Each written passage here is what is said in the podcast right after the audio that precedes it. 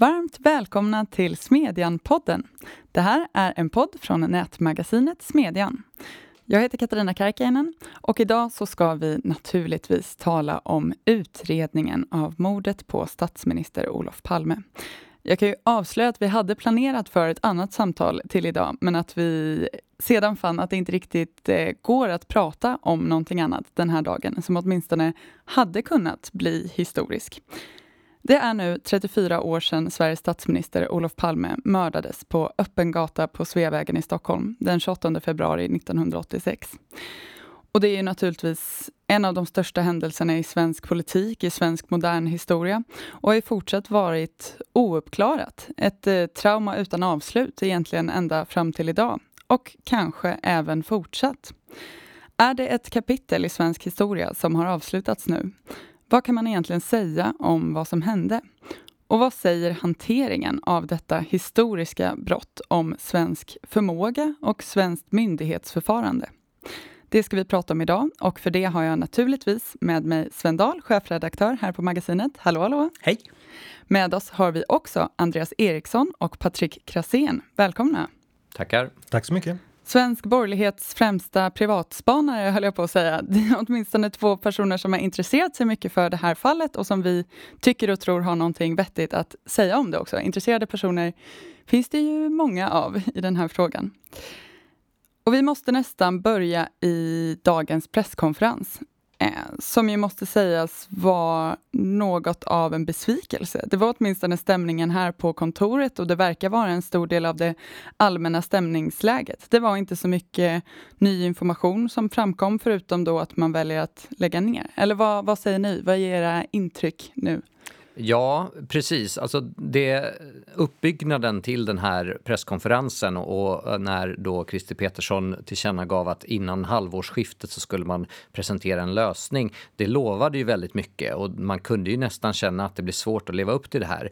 Men vi som har intresserat oss för det här tänkte ändå att nu måste de ha hittat någonting, någon typ av teknisk bevisning, kanske helst mordvapnet eller i alla fall ett vapen som kan knytas till någon av de hyggligt eh, rimligt misstänkta misstänkta eh, gärningsmännen eller någon annan typ av teknisk bevisning eller några nya vittnesuppgifter, ett erkännande som ändå skulle kunna vara plausibelt. Inget av detta presenterades idag. Ingenting egentligen som var speciellt nytt för oss som har följt eh, Palmemordsutredningarna och eh, läst böckerna senaste åren presenterades idag heller. Så ja, en, ett antiklimax eller ett västgötaklimax, men i alla fall en mm. besvikelse.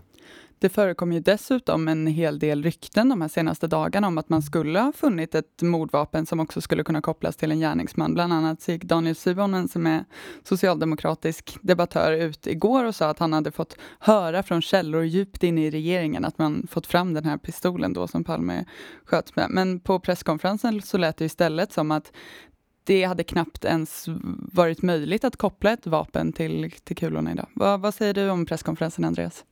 Det är väl bara att hålla med. Ordet för dagen är ju antiklimax. Sen får man ju fråga i vilken grad den här äh, förväntningarna var rimliga. Äh, var det så att Christer åklagare Petersson hade Eh, Eh, var det han som så att säga, var ansvarig för det eller var, är det vi utomstående, kanske främst eh, media och allmänhet som hade håsat upp det här för mycket?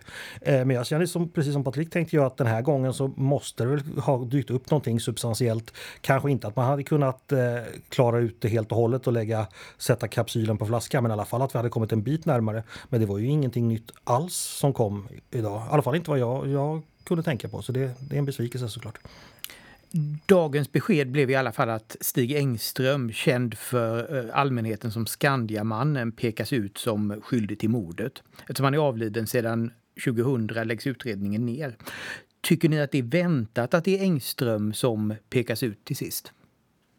Det var väl troligt att det skulle vara en person som var avliden Eh, om man skulle peka ut en enskild person, skulle jag säga. Hade det varit någon som fortfarande var i livet så hade man i så fall väntat sig någon typ av gripande eller att man skulle ha gått ut med det här efter att så att säga, den personen hade på något sätt eh, hämtats hem. Det har ju talats om vissa agenter ut, för utländska säkerhetstjänster och sådant. Det har det ju talats om ända sedan 80-talet, så det är ingenting nytt. Men det, det var ju troligt, som sagt, utifrån hur uppbyggnaden till presskonferensen var att, att det skulle handla om någon avliden. Och då var ju då Stig Engström eller den, eh, en annan person som är, kallas Christer A som var de troligaste eh, kandidaterna. Jag vet inte om Andreas håller med? Jo, men så var det naturligtvis. Eh, och dessutom hade ju åklagaren tidigare sagt att Christer P, då, Christer Pettersson, inte längre var intressant. Och man ska komma ihåg att det som har varit känt av utredningen de senaste åren, det har ju varit utredningsinsatser mot eh, Stig Engström och hans eh, omgivning. Det har i alla fall läckt ut i medierna. Och man ska komma ihåg att utredningen har ju bara bestått av några personer.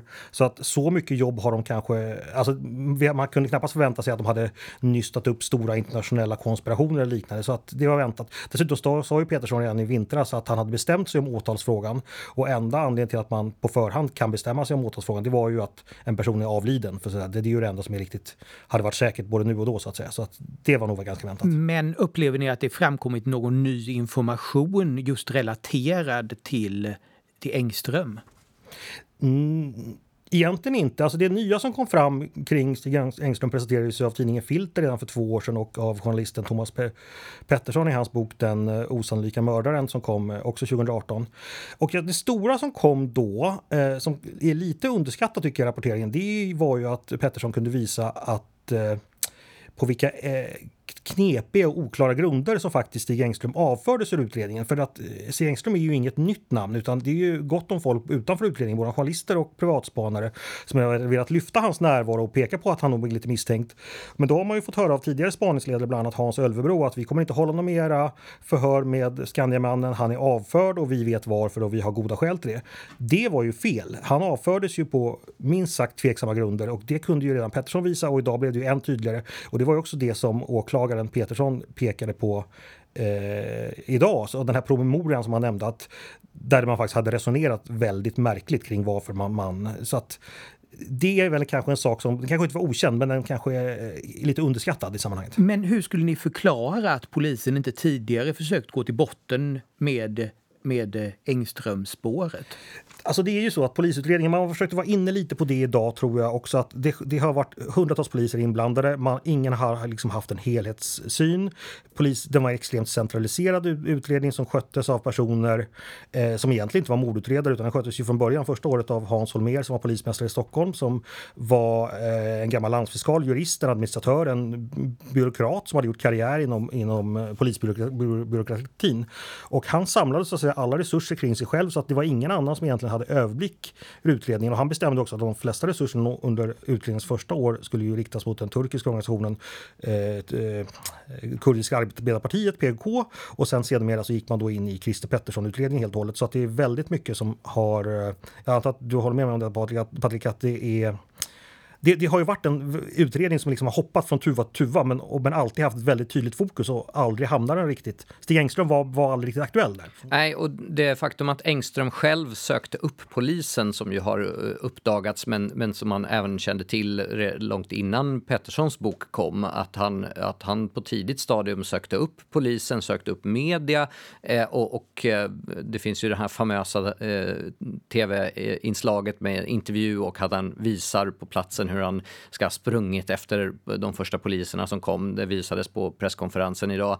Att han var ju eh, en person, Hans Holmér kallade honom för en elefant i en porslinsbutik eh, i den tidiga skeden av, av utredningen. Att han ville vara så himla mycket med och, och ge olika uppgifter och liknande. Att han snarast sågs kanske som ett störande element då. Och att därav så Eh, jag tror vid den tiden så hade man kanske inte heller insyn i eh, ja, mer nut, nutida eller sentida forskning om, om gärningsmän, att, att det faktiskt finns en del som söker upp eh, brottsplatsen och, och försöker synas eh, kring utredningen med mera. Det, och det kan ju då tala både för och mot honom. Den historia han berättade då och den historia som fortfarande då berättas om honom eh, utifrån hans egna ord och, och, och de vittnesuppgifter som finns är ju svår att få ihop med med andra vittnen och med, med eh, den gängse beskrivningen av, av gärningen. Liksom det är svårt att få, få fram någon typ av motivbild. Man får komma ihåg att tidigt i utredningen så drevs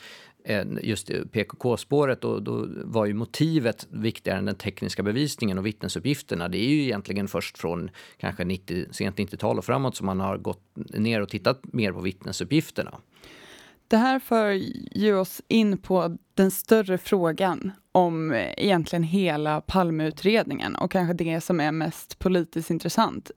När jag bara suttit de här senaste dagarna och läst och funderat inför den här presskonferensen så slår den ju att det är så mycket mycket som är så konstigt, framförallt med de här första åren av utredningen och hur den sköttes och varför eh, den här länspolismästaren då, Hans Holmér, som aldrig tidigare, som jag förstått det, arbetat med mordutredning, ändå skulle leda den här utredningen. Och det är dels det här att man i början fokuserade så mycket på frågan av motiv, vilket andra åtminstone har sagt kanske inte är det mest naturliga eh, i en sån här utredning, att man ganska snart snöade in på det här spåret med PKK men inte följde de här andra spåren som eh, bland annat lyfts upp nu, som att de, det hade varit rimligare. Och sen så var det också en del av det här, liksom, de spektakulära sakerna som, som hände. Eh, fantombilden som man släppte som föreställde en person som ett vittne sett eh, strax intill Stureplan, men som egentligen det inte fanns så mycket annat som tydde på att det skulle vara mördaren.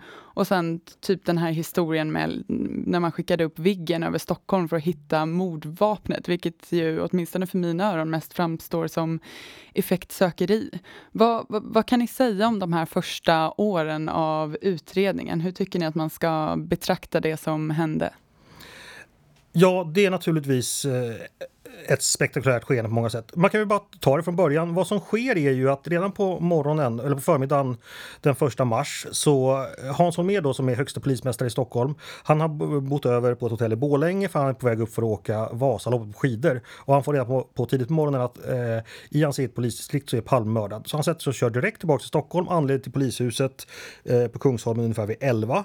Då är de som har jobbat hela natten naturligtvis trötta och slut. De andra som har kommit in, ringt in på morgonen, de vet ingenting, så förvirringen är stor. Och då är Hans Holmér den personen med den eh, auktoriteten, den karisman och den förmågan att säga att nu tar jag befälet och redan en timme efteråt så håller han sin första presskonferens och därefter så släpper han inte kontrollen över utredningen. Och Eh, att han dels skulle ta den, de, att han kunde ta den positionen har ju naturligtvis väldigt mycket med eh, hans personliga egenskaper att göra. Men också så fick han ju, vilket har visats i andra sammanhang, att eh, eh han fick stöd, eh, politiskt stöd eh, mm. från högsta ort. Att regeringen hade förtroende för honom och Eh, det var ju också så att regeringen var ganska mycket inblandad i utredningen till en början. Man hade bland annat en observatör i Palmerummet eh, som kom direkt från justitiedepartementet. Och Hans Holmér eh, var väldigt duktig på att handskas med media. Han var väldigt duktig med att han var en PR-man av rang helt enkelt. Och det ska väl också ses som utslag för det, det här olika spektakulära utrednings eh, åtgärderna han vidtar. Eh, så att, eh, men, men, men varför han gör som han gör och varför utredningen hamnar så fel.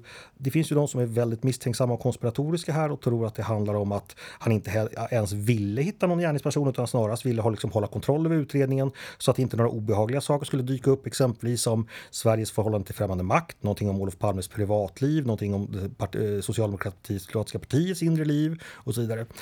Det tror jag går för långt att säga att han ägnade sig åt liksom någon aktiv mörkläggning. Det finns saker som talar för det, men jag kan inte säga att det är styrkt. Men resultatet blev ju i alla fall att utredningen havererade och mängder av eh, uppslag blev ju inte behandlade som de skulle. Mm. Vad säger du Patrik? Varför fick Hans Holmér det politiska stöd som han fick? Ja, det var ju på grund av tidigare kontakter och att man behövde väl någon som eh, klev in och tog eh, befälet där och någon som var lagom nära men eh, även då lagom långt bort så att man kunde ha armslängds avstånd men ändå någon som man hade viss koll på. Och sen så hade han ju en, en ska säga, stor persona eller en grandios, grandios självbild och sådär och bepansrade fönstren till sitt tjänsterum med mera. Jag skulle nog säga att eh, Holmer, om man tittar på det här i retrospekt, det är väldigt dramatiskt och hans presskonferenser och, och, eh, hur mycket han då syntes i media och sen får man inte glömma Ebbe Carlsson-affären som kommer efter det. Mm.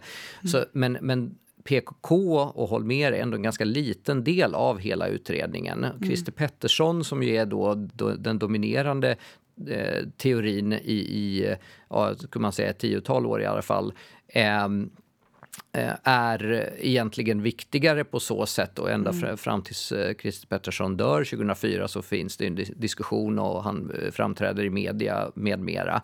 Och det är egentligen kanske efter att man fler och fler börjat ifrågasätta Christer Pettersson och, och, och även inom polisen har den ortodoxin som fanns under Hans Ölvebro till exempel börjat, börjat ifrågasättas mer. Det är då de här andra uppgifterna har kunnat komma fram mer. Men så, där, bland dem då har Engströmspåret, eh, Skandiamannen, bara varit ett.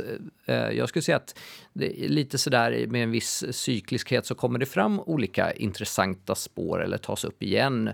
För några år sedan, eller det är väl kanske ett tiotal år sedan nu, så var det många som pratade om den så kallade Dekorima-mannen. Det fanns uppgift från två eh, finska kvinnor som hade sett en man, en finskspråkig man på mordplatsen bara några minuter innan skotten som stod då där, vilket eh, inte stämmer överens med eh, Engström-uppgiften att han eh, klev, ut, klev ut från eh, Skandiahuset och, och eh, såg eh, makarna Palme. Mm. Han kan så att säga inte ha stått där eh, sen innan. Och eh, sen har det ju då funnits av och till eh, uppgifter om eh, Sydafrika och andra underrättelsetjänster. Mm. Det så kallade polisspåret har ju ända sedan 87-88 varit uppe av och till. Så att jag menar, Engström har, han har ju funnits där som ett Mm. möjligt mm. spår eller att han kunnat ingå i någonting. Men, men det är ju bara egentligen sen då Petterssons bok kom som det har blivit eh, ja, då huvudspåret. Och, och, uppenbarligen den nya generationen i utredningen, de nya åklagarna med, med Pettersson i, i spetsen då har, har tagit det verkligen till sig. Men jag måste bara fråga innan vi går vidare i den här kronologin. Eh, hela den här historien om liksom Hans Holmér och Ebbe Carlsson och den politiska sanktionen från Ingvar Carlsson bland andra. V vad säger det här om hur Sverige såg ut på 80-talet och vår förmåga, vår maktdelning vårt myndighetsförfarande? Var det liksom dysfunktionaliteten i det socialdemokratiska maktsamhället som ironiskt nog blev, blev bristen även i mordutredningen, eller hur ska man förstå det? Många säger ju att det är precis det. Det är ett exempel på hur eh, ett långvarigt maktinnehav får gränserna mellan politik och förvaltning att suddas ut och mellan parti och stat.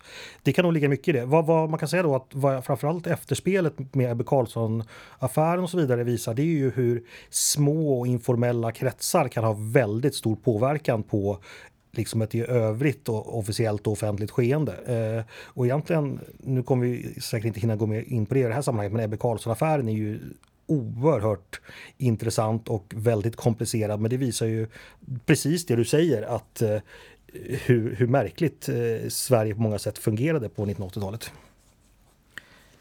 Inför, eh, inför dagens presskonferens var det ju många som pratade om Sydafrikaspåret och att det ja, kom många spekulationer rent utav att, att dagens presskonferens skulle handla om just Sydafrikaspåret.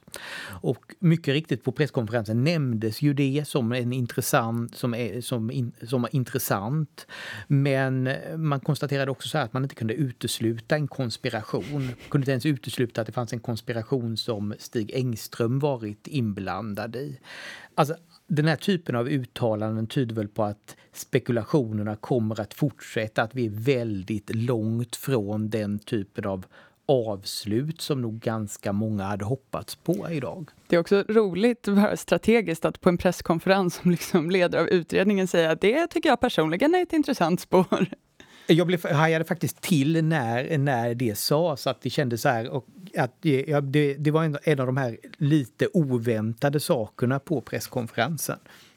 Ja, den här presskonferensen, om man får säga något om den, kommer ju gå till historien tillsammans med kungens presskonferens när skandalboken kom och, och en del andra som är kan man säga, förvånansvärt illa förberett sett till tyngden och vikten av ämnet. Men vad säger ni, ni som eh, ändå har lite koll på de här kretsarna, det här är av stort intresse. Vilka trådar kommer man fortsatt att vilja nysta i? Vad är det som inte känns uppklarat? Vilket jag misstänker att det är en del som ändå gör det, även efter den här presskonferensen. En given sak eh, var ju det som eh, den tidigare spaningsledaren Dag, Dan Andersson, Dag Andersson hette han väl, talade om 2016 när mordet hade 30 år efter mordet. Och det är de här walkie-talkie-observationerna som finns runt omkring i Stockholm i samband med mordet. Som då skulle peka på att en konspiration låg bakom. Och det är väldigt mycket folk som har sett, eh, folk pratar i kommunikationsradio. Eh, det här har ju förklarats med att det skulle vara olika typer av narkotikapoliser ute men i alla fall enligt den spaningsledaren som fanns då så eh, var, kunde man inte förklara allting.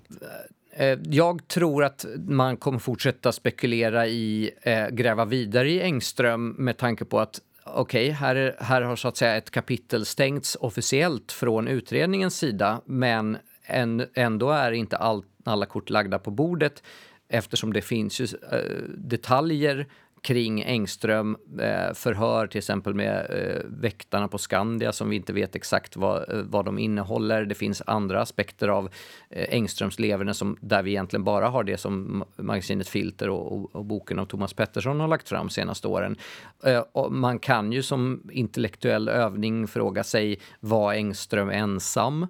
Eller var han del i en eh, konspiration och i så fall hur medveten var han om vilka övriga som ingick? Det har, det har när Engström-spåret har diskuterats i, i olika ska säga, nördkretsar de senaste åren så har det ju funnits en del som har påpekat hans eh, kopplingar genom eh, ja, politiska sympatier och, och, annat till, till vissa grupperingar som, där det även finns överlappningar med eh, polis, militär, underrättelsetjänst och den här eh, lite kittlande tanken om ett, ett, en mindre konspiration eller ett litet gäng av, av potentiella gärningsmän som rör sig runt paret Palme och bevaka dem ända från att de lämnar, eh, eh, lämnar hemmet i, i Gamla stan eh, ända tills skotten faller. Där, där blir det svårt att så att säga när det finns många observationer av walkie-talkies och, och, andra typer av interaktioner, det så kallade mötesscenariot som bygger på vissa vittnesuppgifter om att paret Palme pratade med någon precis innan skotten. De, alla de uppgifterna kvarstår ju även med dagens besked från, från utredarna. Och då blir ju frågan, kan man passa in Engström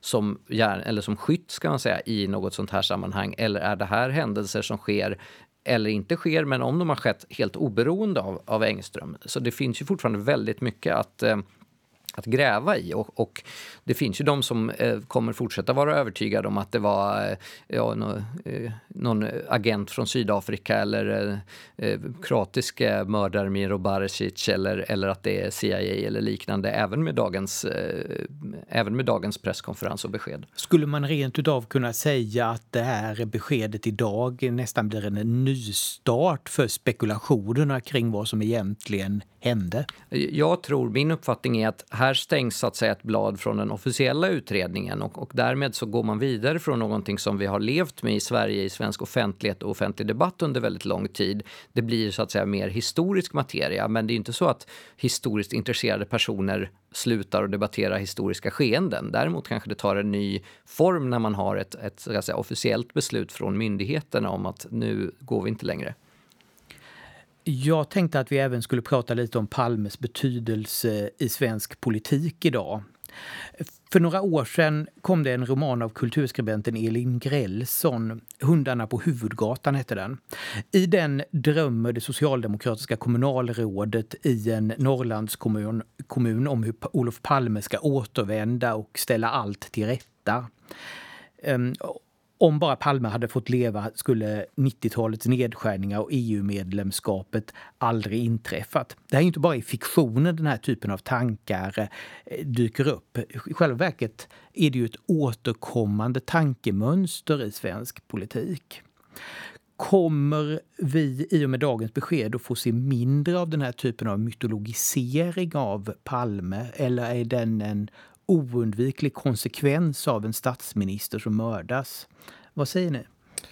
Alltså det är ju onekligen ett mycket starkt motiv eh, och det är kanske ingen tillfällighet att Leif GW Persson har döpt sin trilogi om Palmemordet till Välfärdsstatens fall. För att eh, det är ju efter 1986 som det inleds ett väldigt dramatiskt skeende i svensk historia.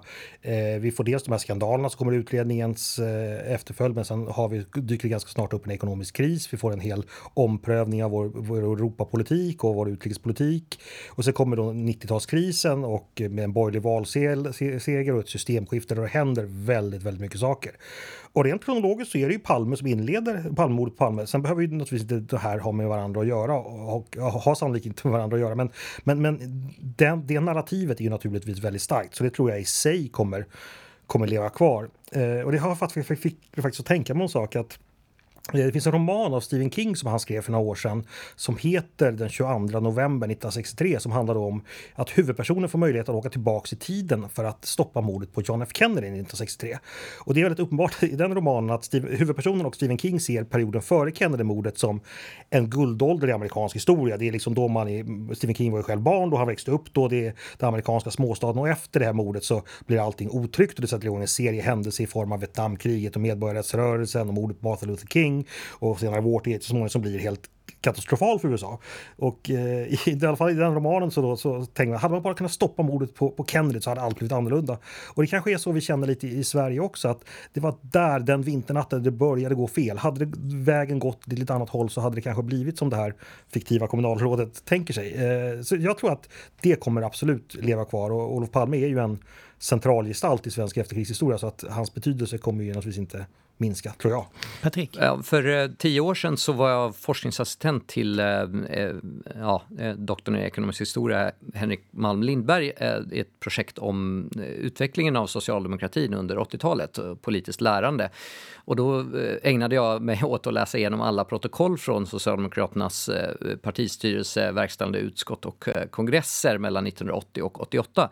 Och en slutsats jag drog av det materialet var att efter Palmemordet, när Palme då försvann försvinner från ledningen så blir de tankar som har funnits inom så att säga, kanslihushögern, främst kanske manifesterat genom Kjell-Olof Feldt och han, det han ville göra med av förändring av den ekonomiska politiken i Sverige och, och Socialdemokraternas, eh, det får mer gehör. Att vissa som tidigare då gick på Palmes mera, kan man säga, vänstersocialdemokratiska linje där man skulle hålla fast vid, ja men det var vi som byggde välfärdssverige och så vidare och vi ska inte ha några fria kapitalflöden och, och avregleringar. Eh, flera av dem, till exempel Ingvar Carlsson, eh, börjar mer följa då Feldts mer reformistiska linje. Det är ju förstås en kontrafaktisk fråga. Det kanske hade hänt ändå eller så kanske man hade förlorat eh, valet 88. Det vet vi ju inte. Men att det finns ett så att säga före och efter Palmemordet. Eh, det har blivit nästan lite av en klyscha att säga så, men jag tycker att det finns väldigt mycket som talar för att man kan se det. Och nu får jag känslan idag i alla fall att eh, eran Palme avslutas från någon slags off offentligt håll. Eh, och eh, det blir en historisk fråga, lite som att ja, eran Erlander eller eran Hansson. Det blir någonting man studerar som historisk materia, inte någonting vi, vi lever med. Palme går inte riktigt vid vår sida på samma sätt längre, för nu har kan säga, även statliga myndigheter och de ansvariga utredarna sagt att eh, vi kommer inte längre än så här. Apropå det här slutet på historieskrivningen så måste jag också bara fråga Eh, man säger ju idag på den här presskonferensen att materialet bedöms som otillräckligt för att det liksom i en domstol ska anses styrkt att han är skyldig, eller kanske ens för att väcka åtal. Om vi nu ska eh, avsluta den här delen av den svenska historien, är det lämpligt av åklagaren att peka ut den här avlidne personen och att lägga ner utredningen? Tycker ni att det är rätt sak att göra vid den här punkten? Ja, alltså om de säger vi kommer inte komma längre, och de bedömer att de inte kommer komma längre med bevisning som kan leda till åtal i något annat spår heller. Att man så att säga uttömt allt, även om materialet eh, är tämligen omfattande, världens största mordutredning. Det, det, går att gräva några vändor till, men det har man, tror jag, inte varken tid, ork, mandat eller möjligen ens finansiering för att göra. Eh, det som är underligt är att man kanske då eh, att man avslutade med eh, kapitlet Stig Engström som spår som det sista. Eh, och att man gör det på ett, tycker jag, ändå relativt, relativt tvetydigt sätt. Man säger ju ingenting om att vi har bevisning som visar att han har skjutit. Man säger att ja, det är svårt att komma runt Stig Engström och det kan man ju hålla med om att eh, givet de uppgifter om vad han gjorde och var han var och vad han själv har sagt så är det svårt att komma runt honom. Men det räcker inte till närmelsevis ur juridiskt perspektiv för att han skulle kunna eh, bli åtalad. Och, eh, eller åtal kan ju väckas men eh, han skulle ju med, under inga omständigheter kunna dömas med, med den bevisning som man har. Och då är ju frågan om man som, som åklagare ska eh, ta, ta det på det sättet. Eh, ja, det känns lite som att utredningen ville, kanske inte lämna dörrarna öppna, men man ville inte säga ja, det var han och han är död, så vi kan inte göra någonting. Men man ville heller inte säga att eh, vi avfärdar honom och eh, måste därmed ska säga, lämna den här utredningen utan någon typ av, av eh, closure eller avslutning. Det blev, det blev väl den, den bästa avslutning de kunde eh, komma fram med, men den är ju otillfredsställande. Det, kan, det måste de nog själva också eh, instämma i. Vad säger du Andreas, håller du med? Ja, det gör jag. Eh, det kan möjligtvis ses som ett utslag av transparens att man ändå väljer att säga vad man själv tror på och vart, så att säga, eh, det var det Pettersson sa, hade jag varit åklagare då så hade jag inriktat mig på, på Stig Engström och han hade fått svara på frågor, vi hade eventuellt använt tvångsmedel och så vidare. Men eh, jag känner precis som Patrik att den här formuleringen, man kommer inte runt honom, den är väl kanske den som man har funderat ut på att den bäst beskriver situationen. Men det är ju otillfredsställande att vi faktiskt inte kom längre än så. Men uppenbarligen gjorde... Vi ska komma ihåg det att det är utredaren som har tillgång till hela materialet. Det har ju inte vi. Och, eh, men det, det är klart, det känns ju som att det är ett misslyckande att myndigheterna inte kom längre än så här. Vi måste alldeles strax börja avrunda, men avslutningsvis och lite på den noten. Vad tycker ni bör hända nu? Finns det någonting ytterligare som man skulle kunna göra? Jag tänker till exempel på det här stora materialet, eller är det här helt enkelt beskedet som vi får leva med nu? Materialet, eh, förundersökningsmaterialet eh, anser jag bör tillgängliggöras i så stor utsträckning som möjligt. Det kan finnas dokument som rör Sveriges förhållande till främmande makt eller, eller möjligen sådant som kan röra enskilda personer som kan vara känsligt. Men om man fortsätter att ha eh, stora delar sekretessbelagda så kommer oklarheten kring varför den sekretessen kvarstår i en avslutad nedlagd utredning att, att göra att vi som är intresserade kommer att fortsätta undra vad finns det för stenar som man inte har vänt på. Mm. Eh, så att det bör man, precis som man gjorde med Kennedy-mordet, eh, tillgängliggöra så mycket material som, som bara är möjligt. Och nu när då Lisbeth Palme har gått ur tiden också så, så är, finns det inte samma känslighet eh, gentemot familjen som det gjorde när, när hon levde och, och som också vägledde en del av polisens beslut kring, kring förhör och, och offentlighet i, i de delarna. Det är väl vad, vad jag hoppas på när det gäller materialet. Definitivt. Och sen ska man komma ihåg att brottet är ju faktiskt inte preskriberat och kommer inte göra det heller. Så att dyker det upp ny bevisning i framtiden så blir, måste ju naturligtvis polisen på något sätt ta sig an det också. Så att det kan ju komma nya kapitel även fast det kanske inte är så troligt att det dyker upp nya saker. Och på den noten, om vi nu stänger den här 34-åriga historien men kanske öppnar upp för privatspanarnas tid, finns det någonting eh, som vi inte har berört som ni tycker är särskilt intressant eller vill lyfta fram? Jag har ju alltid varit nyfiken på den utredning som Säkerhetspolisen gjorde strax efter mordet eh, som tyvärr aldrig har blivit offentlig där man eh, påstår sig kunna visa att Olof Palme övervakades dagarna före mordet och att man i det materialet, man har, jag tror man har ett 50-tal vittnesmål och så här, i det materialet så har man också utkristalliserat sig två eller möjligtvis tre övervakare. Eh, när jag hör av mig till eh, NOAs registrator så är det kanske först den, den utredningen jag främst skulle vilja se faktiskt. För den har bara nämnts men man har aldrig visat sig. Rafflande. Vad säger du Patrik? Ja, om det finns eh, förhör eh, med Lisbeth Palme som inte har offentliggjorts så är de väldigt intressanta. Oavsett om de så att säga, säger något substantiellt eller inte så kan ju de eh, bidra till också en förståelse för varför man eh, gjorde vissa val kring eh, att gå på hennes, eh, som, så väldigt mycket på hennes vittnesmål eh, tidigt och, och avfärdade kanske vissa andra. Så bara för att kunna reda upp i den oklarheten så tycker jag det skulle vara väldigt intressant att läsa. Mm. Det kommer finnas saker att ägna sig åt för den intresserade helt enkelt och det får nog lov att bli sista ordet för idag och jag och Sven får lov att säga varmt tack till våra gäster Andreas Eriksson och Patrik Krasén för att ni ville vara med idag. Tack själva. Tack så mycket. Innan vi avslutar så vill jag också tipsa om en av våra nyligen publicerade texter, Reformpolitikerns guide till regeringsmakten, där Sebelon Kalander intervjuar den tidigare socialdemokratiska statssekreteraren Irene Wennemo om hur den praktiska politiken fungerar bakom de lyckta dörrarna.